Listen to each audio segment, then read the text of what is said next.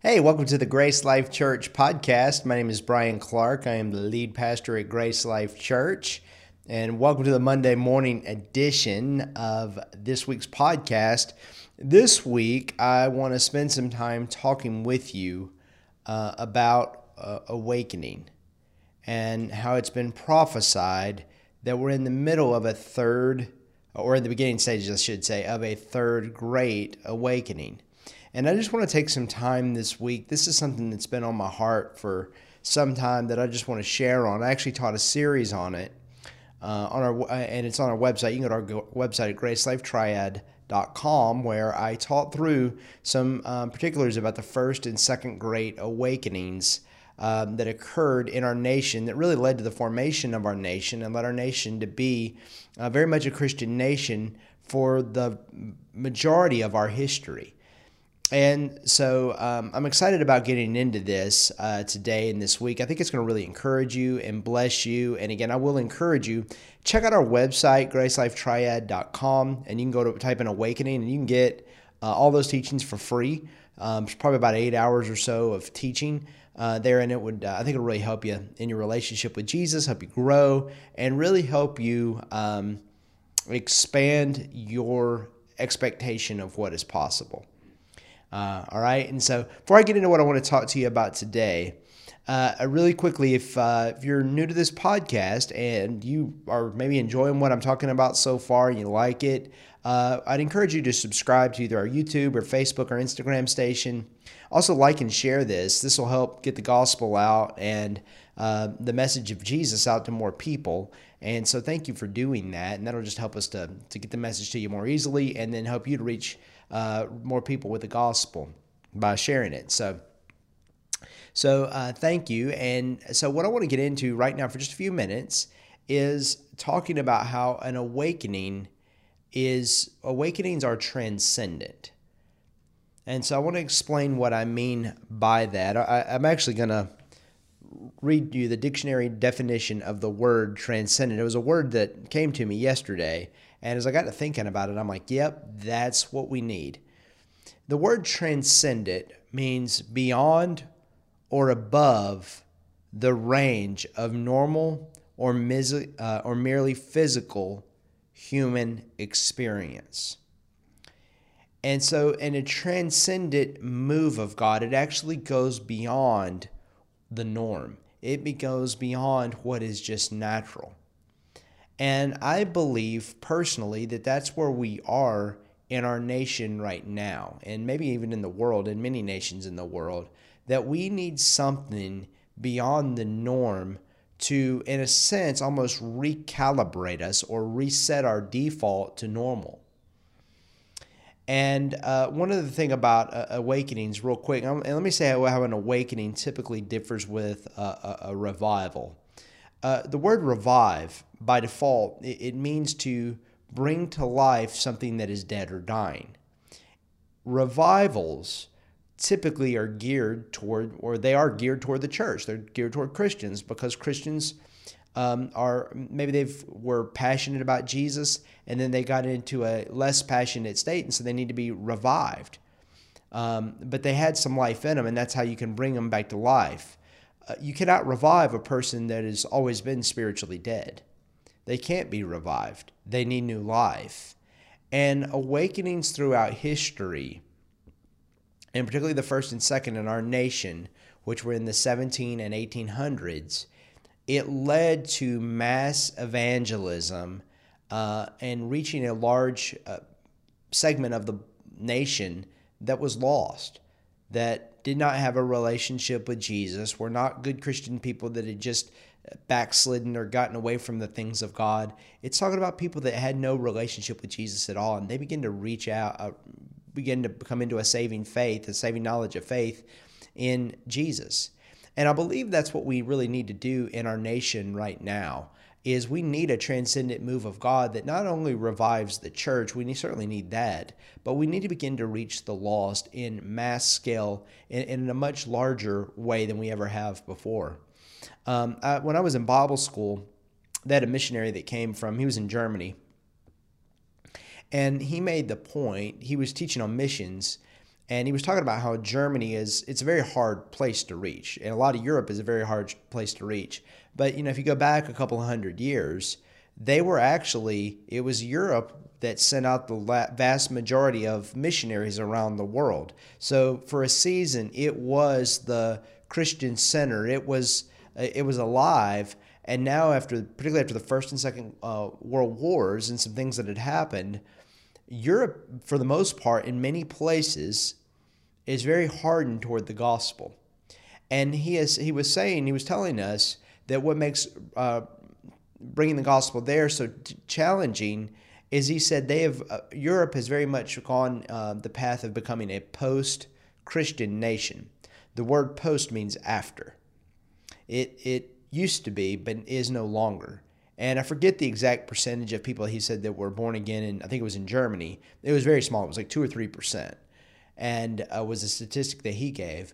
But then what he said that kind of alarmed me, and this was I think in 2014 or 15. He said, based on the way uh, America is going, and he said this in 2014.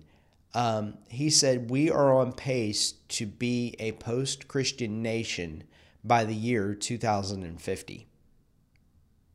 And that really, um, that again, that was based on some surveys and some things that he had seen. That really rocked me though. When you start thinking what our value system, you know, I was born in 1980, and so I, am kind of a kid of the 80s and 90s, and have grown up in the 2000s as, as an adult. But basically, what I've known living in the Bible Belt, and many of you, maybe if you're from the South or living in the Bible Belt, or even living in America if you're not from the South, you, you've known a, a very uh, Judeo Christian work ethic and values.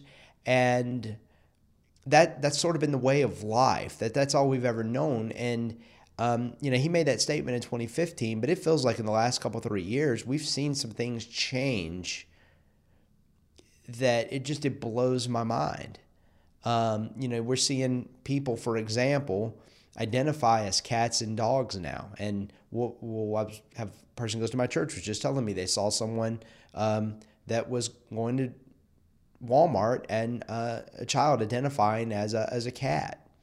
And this has become normative and being told that if you tell a kid that doing that is wrong, that that you're being judgmental, that you're being um, you're being condescending uh, of them and you're being small minded and you're discriminating against them, right? That's one example. But there's probably thousands more. We could all get into all the problems, but I, have I've given you the problems. Now I want to give you the solution because I really do believe we need something beyond normative means to see our nation get back on the right track. The normative means would be a Billy Graham if he was still alive or somebody like today that's a, got a big evangelistic ministry like a Mario Murillo or Todd White or somebody like that come to town and you see, you know, maybe a bunch of people get saved, thousands of people get saved, get plugged into churches, get discipled, go out and reach out to more people and um, and that would be sort of the way uh, things would happen normatively um, with an evangelistic crusade and how the gospel would go forward. I'm not against that. I believe in all that. I think we need that too. We need the practical things that people can do as led by the Spirit. However, there are transcendent times where, through people praying, the Holy Spirit, for lack of a better term, and there may be a better term for this than I know. So if you know that, uh, send me a message and I'll use it next time. But it's almost like God opens the heavens and comes down and there's like an open heaven over a city, open heaven over a nation that that it's almost like people get sucked in the vortex of heaven and they're transformed by the glory of God. And this has happened throughout history. A couple of examples of these I've ministered on, and then I'm going to share a passage out of uh, John, and then I'll pray for you. Uh, but I've ministered on both of these examples before, but one is the Welsh revival. The Welsh revival was in 1904. There was a young man, Evan Roberts, who had some serious encounters with God, and he actually, uh, to, to, hear his testimony, was in a, in a sense called up into heaven and began to believe, he and a friend of his began to believe for 100,000 people to be saved in Wales in, in two weeks' time. And long story short, it happened. They began to pray, and it happened. And um, it was Wales was transformed for a couple of years from 1904 1905 massive massive move of God. And it was so powerful that Evan uh, you know he was one man. He could go to one church and and and Wales and he might go to uh, you know a church in one city but but this this awakening or this revival or whatever you want to call it was breaking out everywhere. The churches were packed that uh, it, it just hit the whole nation it's so what I'm getting at is it wasn't the bold preaching of one man.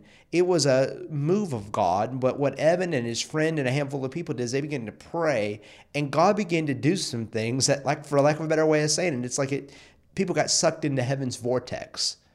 And I really think that that's what we need right now. Another one is the Hebrides revival. That's in I think Scotland. 1949, same thing. And you know, there's testimonies of people that it, it's just like they got drawn to um, they got drawn to people's Bible studies or got drawn to church or got drawn to, and they would just, they would come in, they'd be like, I don't even know how I got there. And then they would get saved or they would get saved, you know, at the gas station or something like that. And then go find a, a church or a Bible study or whatever else. But it was like the, they became so God conscious, uh, is what I've read about the Hebrides revival, that people just had an awareness of the presence of God and, and their need for God and their need for Jesus. And, and it overwhelmed them and so this is why I really believe we need an awakening. We need something that goes beyond church as usual, revival as usual. Uh, not, again, not that I'm against church. Obviously, I, I, I pastor one. Uh, I, not that I'm against revivals or evangelistic crusades, but we need beyond that. We need beyond what human effort and ingenuity can do. And so I want to read you one passage of scripture out of this. This is one of my favorite passages in all the Bible um, because it's a transcendent passage of scripture. And it's out of John chapter 3, verse 13. Jesus is talking to Nicodemus, and he just makes this radical statement. And he says, and and no man, actually, let me tell you what he was talking about, and then I'll explain it. He's t- trying to explain to him the new birth experience, getting saved, all right? And now, verse 13 it says, And no man has ascended to heaven, but he that came down from heaven, even the Son of Man, which is in heaven. And so Jesus tells Nicodemus, no one's ever ascended into heaven, right, except for the Son of Man, who is Jesus, who is currently in heaven. And yet Jesus was making that statement to Nicodemus while having his feet firmly planted on the earth but he was living with such a divine perspective of what was possible. He was living from a heavenly perspective. He saw things because of that that other people couldn't see. He lived with a different perspective. That's why when the loaves and the fishes, when the that the little boy brought the five loaves, two fish, Jesus was able to look past the circumstances to multiply the food. This is why in John 4, when the disciples uh, say, Hey, boss, it's time to go eat, and he sends them to go get food and they come back and they want to they want to see if he wants to eat something uh, uh, eat something.